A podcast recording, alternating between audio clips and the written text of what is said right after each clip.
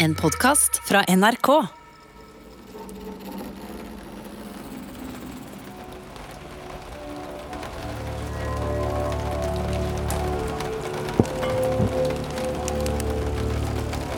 Tre konger av Norge sitter rundt et bord. Han ene heter Øystein, den andre heter Sigurd, og den tredje heter Olav. Eldstemann, Øystein, tar ordet. Da er vi enige. En av oss drar ut i verden, de to andre blir hjemme og passer butikken. Spørsmålet er bare hvem skal fære, og hvem skal bli igjen? Olav veiver med armene. Mæ, mæ, jeg vil fære. Jeg! Kom igjen, da! La meg fære. Jeg vil fære. Jeg, jeg, jeg. Øystein bare kikker hardt på han. Slapp av du da, Olav. Du kan ikke fære og reise rundt i utlandet. Det må nå du òg forstå. Glem ikke. Olav blir rasende, knallrød i ansiktet, og mens tårene spretter, kaster han seg bakover og sparker med fotene og banker hodet i bakken og brøler, rasende og ukontrollert. Jeg vil ut og reise! Jeg vil, jeg vil, jeg vil! Diskré gir kong Øystein et tegn til en tjener. Straks kommer det ei trivelig, moderlig kvinne inn. Hun løfter Olav opp i armene sine og sier vennlig, men bestemt Nå skal lille kongen ha duppen sin. Det er sikkert. Olav er helt krakkilsk. Han brøler ut. 'Jeg vil ikke ha dupp! Jeg vil ha pupp!' Ja da, skal få pupp òg, sjø, sier kvinna. Pupp og dupp. Så stryker amma kongen over håret og bærer den ut. Stakkars kong Olav er oppmasa og utslitt og veldig søvnig. Nå er det to konger som sitter rundt bordet.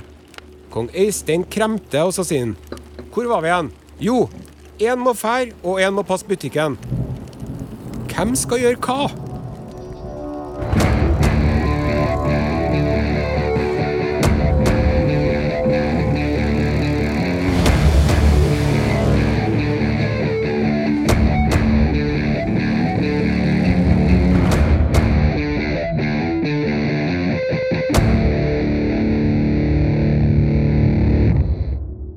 Du hører Kongerekka med Are Sende Osen, sesong to. En podkastserie om de norske kongene. Episode fem Sigurd Jordsalfare. Kongen som dro på tidenes backpackertur. I Guds navn.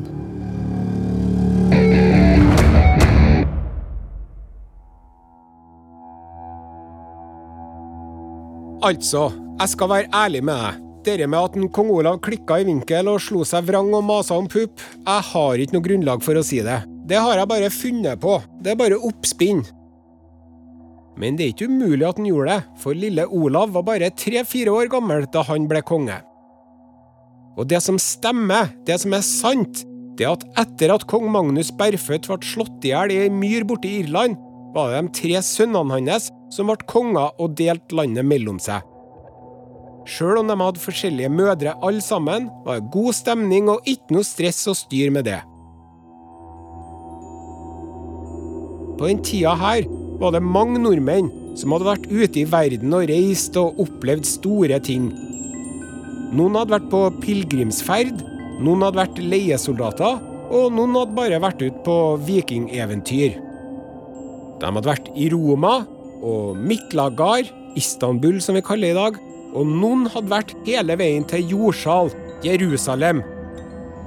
De kom tilbake til landet med ære og ry og røverhistorier og gull og gods. Og dermed fikk hele Norge omtrent charterfeber. Alle sammen ville dra på utenlandstur. Så det var så mange folk som kom til kongene og spurte kan ikke dere ta oss med til nedi landene, vi trenger jo en reiseleder. Herre syntes kongene hørtes kjempespennende ut. Derfor bestemte brødrene at en av dem skulle utruste og lede en ekspedisjon ut i den store verden. Og det valget sto altså mellom kong Sigurd og kong Øystein. Alle var enige at den lille Olav var altfor ung. Og så må jeg bare si en ting til om han Olav minstemann. Idet han blir båret ut i starten der, så er han også ute av sagaen. For han Olav, han døde ung av sykdom, bare 16 år gammel eller før. Så han Olav, stakkars, han regnes ikke med i den offisielle kongerekka. Lille Olav fikk ikke noe nummer engang. Litt rått og urettferdig, kanskje, men sånn er livet. Så da er det to brødre igjen i denne historien. Kong Øystein var eldst. Han var 15. Han var vakker, med blå øyne. Litt store øyne, kanskje. Lyse krøller, knapt middels høy. Tror jeg må være den første kongen som var det, altså bare middels høy. Men så var han klok, kunnskapsrik, glad og vennlig. Kong Sigurd var året yngre. Det som står om han i kongesagaen, er at han var stor av vekst, med brunt hår, var mandig, men ikke vakker. Og da kan man gå ut fra, når det står det, at han hadde noen utfordringer rent visuelt sett. Jeg sier ikke bøttøglig, det er dine ord. Og så var han visst ofte tverr og bisk og litt sånn morsk type. Og det store spørsmålet var altså hvem var som skulle fære på denne turen? Eldstemann Øystein eller Sigurd? Det ble til at Sigurd, han skulle fære. Sigurd hadde nemlig vært med far sin til både Irland og Orknøyene, så han var den mest bereiste av brødrene. Samtidig drev paven og introduserte et nytt konsept. Han ville at kristne krigere skulle dra til Midtøsten og befri hellige steder ifra hedningene og kristne dem i samme slengen. Korstog. Og Sigurd er den første kongen i hele verden som gjør det. Fær i korstog. Den første korsfarerkongen i verden, sier jeg. Men det var ikke bare et korstog. Det var øyloffing, backpacking, sydentur, cruise, heisatur, interrail og et godt gammeldags vikingtokt. Alt sammen rulla sammen til ett. Det var den mest eventyrlige reisen. Og målet, målet var det hellige land. Jesu land. Jordsal. Jerusalem. Han kong Sigurd Jordsalfare, han skrøt av den turen her resten av livet. Det skjønner jeg godt. Reiseruta var England, Frankrike, Spania, Portugal, Marokko, Ibiza, Sicilia, Palestina, Syria, Jordan, Kypros, Hellas og de greske øyer, Istanbul og så hjem igjen.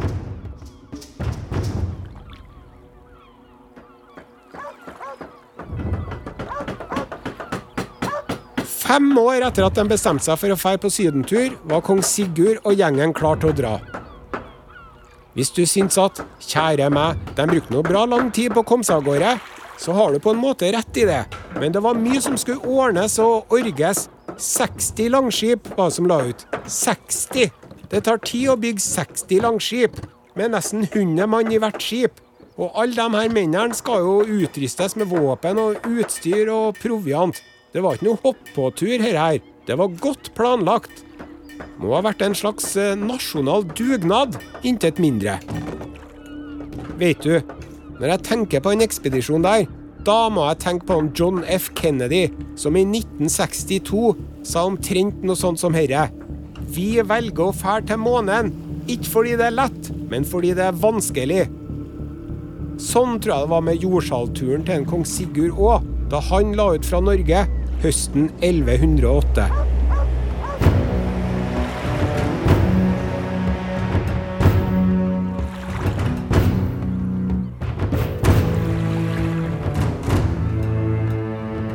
Den turen her, den var enestående på så mange måter. Han kong Sigurd Jordsalfaret, første korsfarerkongen, som sagt, og samtidig den siste vikingkongen. For det var jo en sånn salig blanding av korstog og vikingtokt, det her. Men altså, Osen, det med den siste vikingkongen, det har du sagt flere ganger allerede. Først var det Harald Hardråde som var den siste vikingkongen. Så var det barnebarnet hans, Magnus Berfødt, som var den siste vikingkongen. Jeg vet det, det er forvirrende, men nå, nå er det slutt på vikingtida. Jeg lover. Kanskje.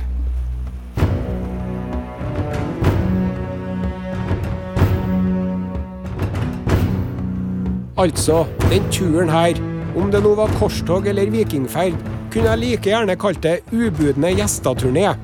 For han kong Sigurd Jordsalfaret og de 60 langskipene hans og de minst 5000 krigerne hans, De for nedover landene, og overalt hvor de kom, så gikk en kong Sigurd bort til den fyrsten eller jarlen eller kongen som styrte der de var, og så banka han på døra, og så sa han Hallo, her kommer jeg på besøk, kan jeg få overnatte her noen dager? Å ja, du, jeg har med meg 5000 kompiser, har du sengeplass til dem òg? Og hvis du var smart da, så sa du kom inn, kom inn, der det er hjerterom er det husrom, jo flere jo bedre. Først for de til England, og ble tatt godt imot av kongen av England, som sikkert ble bra letta da de for videre etter å ha tømt spiskammerset hans.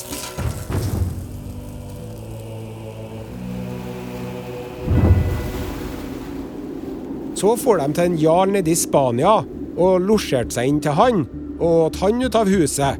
Og da han spanske jarlen ikke ville gi dem noe mer mat, så tok de det de trengte og jaga vekk han, og så for de videre. Så seilte de nedover langs kysten av det som Snorre kaller Spania, men vi i dag kaller Portugal. Der ble de angrepet av vikinger. De sa det sjøl, vikinger, for vikinger betyr sjørøvere. Men det var jo dem som var vikinger. Samme det, kong Sigurd tok noen rotter på dem. Og så herja han seg nedover mot Gibraltar og angrep byer og borger på veien. Klassisk ultravoldelig, blodig vikingherjing.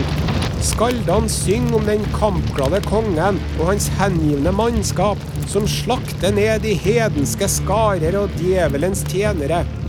Og hver plass kong Sigurd vant, fikk folk valget å bli kristen eller å bli drept. Og som regel så ble de drept. Jeg syns litt synd på de stakkars folkene i Spania og Portugal, jeg, som bare holdt på med sitt. Dyrka appelsiner kanskje, og hadde vel noen geiter og kanskje et oliventre. Og mange av dem var jo kristne allerede. Og så ser de et seil i horisonten, og så ett til, og ett til, og enda et. Og så er det 100 båter som kommer. Ja, OK, da. Det var jo bare 60, men det er ikke så lett å se forskjell når de kommer på den måten der. Mange båter var det uansett som renner over med svære rødhåra og lyshåra og solbrente norske vikinger som bare begynner å drepe og rane og voldta alle. Og nå skal du bli kristen, og hvis du ikke vil bli kristen, så skal du dø. Og så for de gjennom Gibraltarstredet, eller Norvasund som de kalte det, det trange sundet. Og så seilte de langs Serkland, Marokko, fordi folkene der gikk i lange serker til de kom til Ibiza, eller den lille naboøya til Ibiza, Formentera. Der var det en stor flokk med hedenske blåmenn som holdt til i hule i fjellet. Stopp en hal. Hva er en blåmann?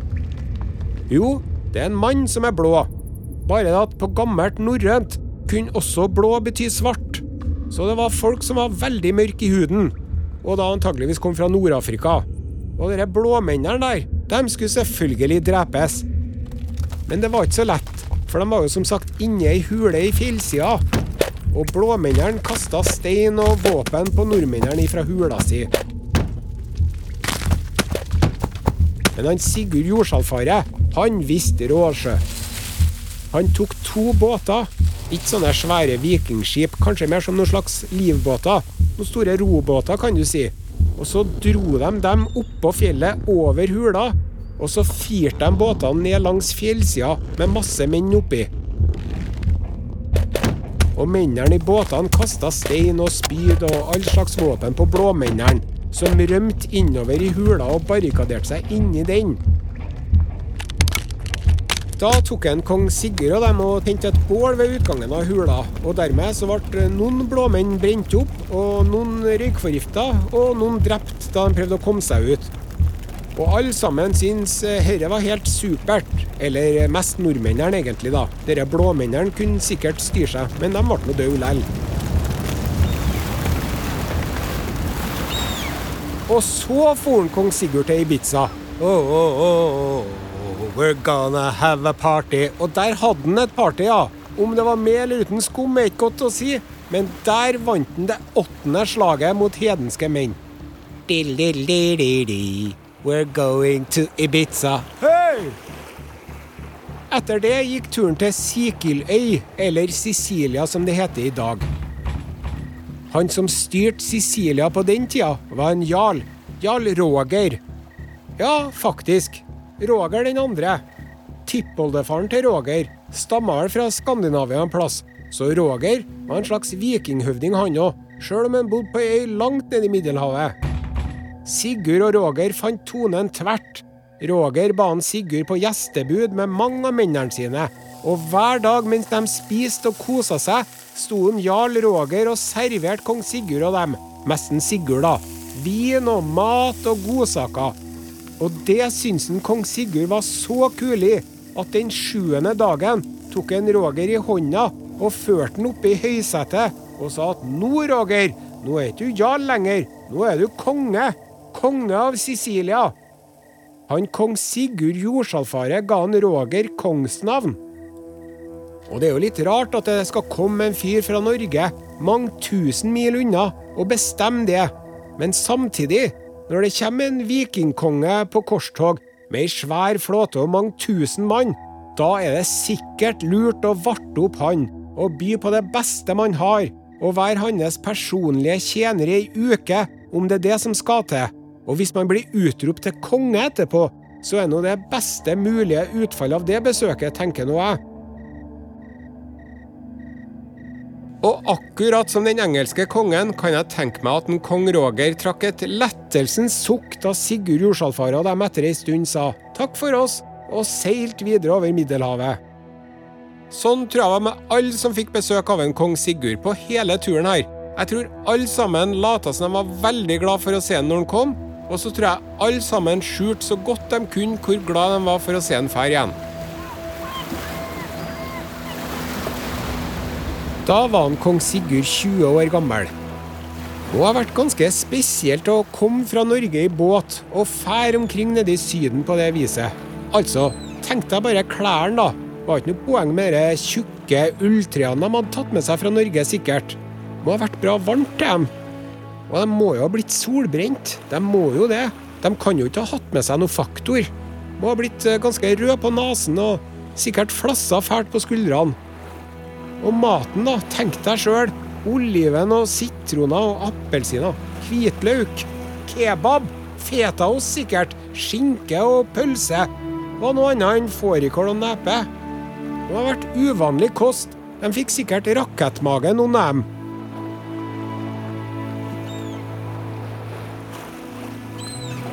Høres jo helt fantastisk ut, den reisa der.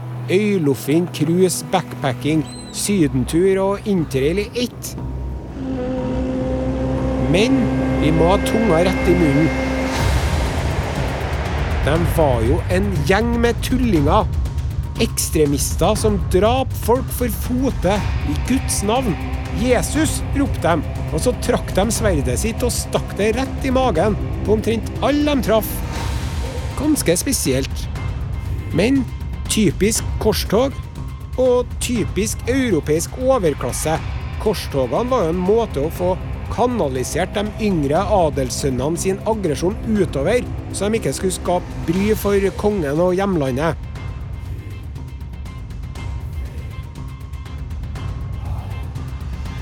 Så kom de endelig til jordsalaland, Jerusalem, Jerusalem med omegn og traktene rundt. Stor-Jerusalem. Mission accomplished. Jæven, hvem skulle ha trodd det? 3800 nautiske mil hadde de tilbakelagt. Hadde ikke villet tippa på det, nei, da de la ut fra Norge to år tidligere.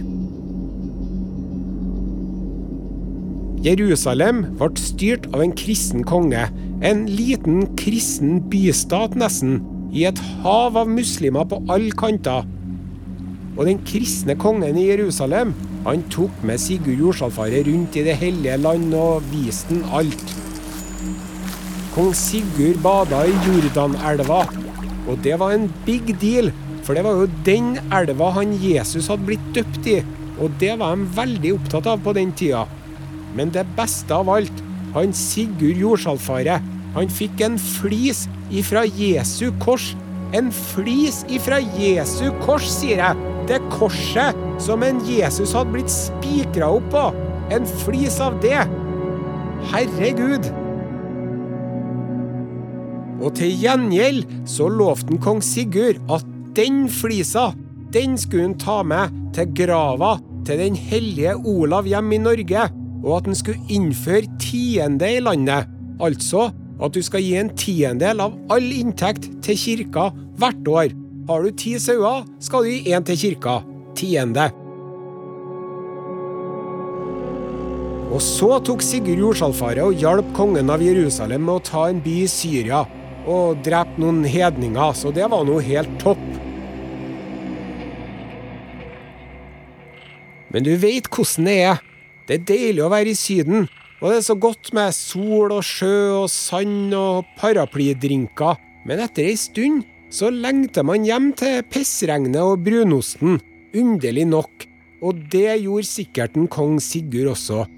Så de sa takk for seg til kongen av Jerusalem, og spesielt det med den flisa. Nei, det var noe for gæli, men utrolig hyggelig. Og så satte de snuten hjemover.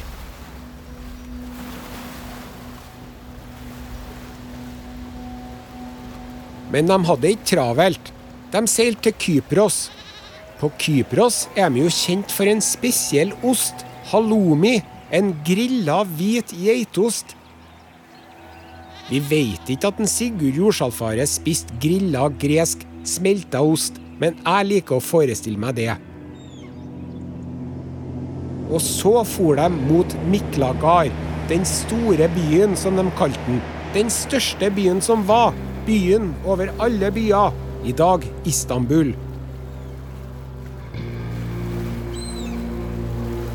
Og da, da viste den kong Sigurd Jordsalfaret seg som en ganske smart showman. Du skjønner det. Vinden var sånn at de hadde glatt kunnet seilt inn til Miklagard dønn. Og alle sammen sa 'skal ikke vi fære da, Sigurd'? Men han kong Sigurd, han sa 'nei, vi venter'. Og så lå de der ute i havgapet og venta og venta og venta. I 14 dager, ja, til vinden snudde litt, sånn at de fikk sidevind. Og da sa han kong Sigurd 'nå', og så seilte de mot byen.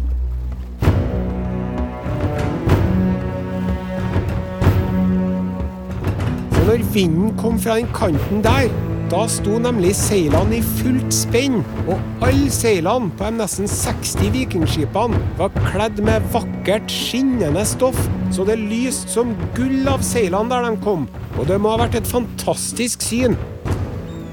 Han visste å gjøre en entré, kong Sigurd, om det så tok 14 dager. Og keiseren av Miklagard, eller keiseren av det bysantiske riket som det heter, han åpna gullporten inn til byen, og Sigurd Jordsalfaret og mennene hans rei inn. Rød løper hele veien. Det var faktisk det. Keiseren hadde dekt gatene i kostbart rødt stoff ifra porten hele veien opp til palasset. Og igjen var unge kong Sigurd smart og ikke så lite verdensvant.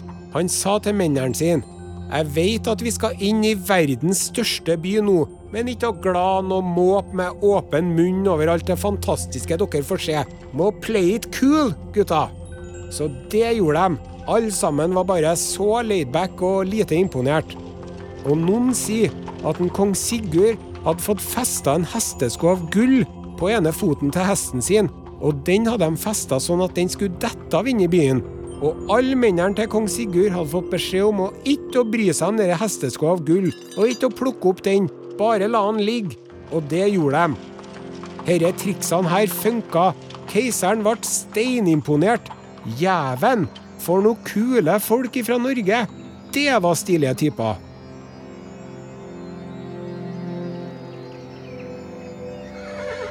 Sigurd Jordsalfare og dem ble innlosjert i topplokaler og bodde der i god stund.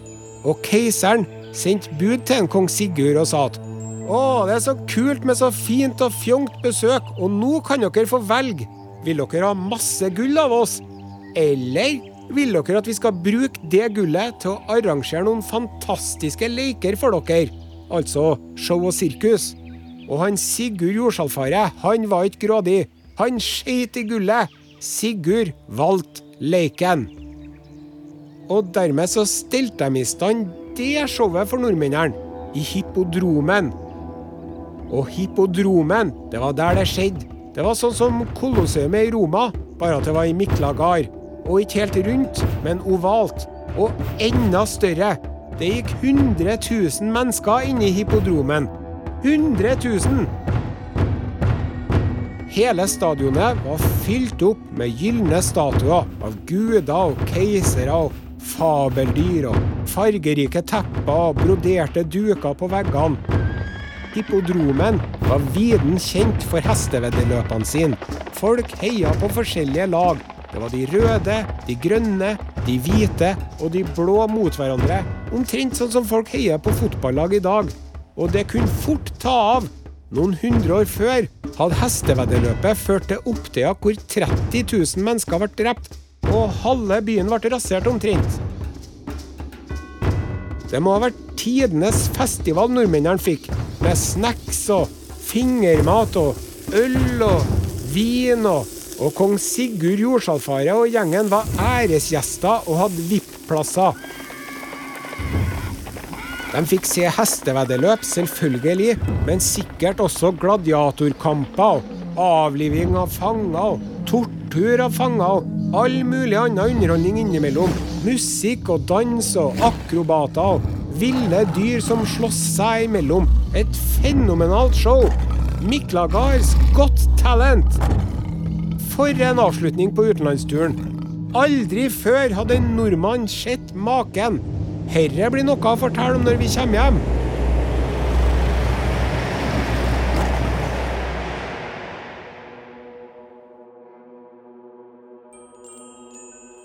Mange av kong Sigurd sine menn ble igjen i Miklagard. De ble livvakta for keiseren, og en god del hadde daua underveis òg. Da han for, ga kong Sigurd Jordsalfaret keiseren alle skipene sine.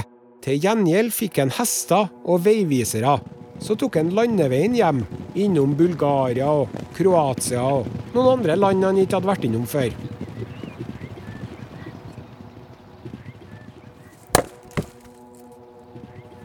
I mellomtida, hjemme i gamlelandet, på berget, der går en kong Øystein rundt i flanellskjorte og arbeidsnever og steller med sitt. Og snart nå kommer en solbrente Sigurd Jordsalfaret seilende inn med silkeskjorte og sydenfletter og ei flis ifra Jesu kors i brystlomma.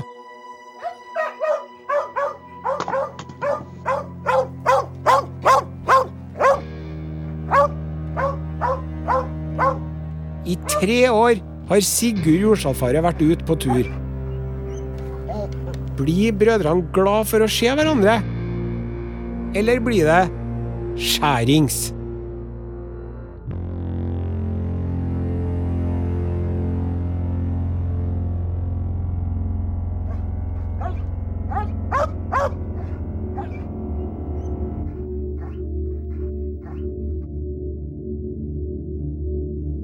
Har hørt Kongerekka, laga av Are Sende Osen og Ragnhild Sleire Øyen.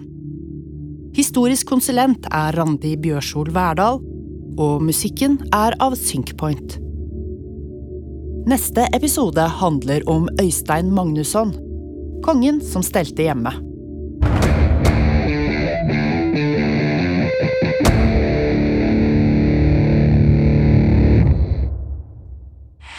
Du har hørt en podkast fra NRK.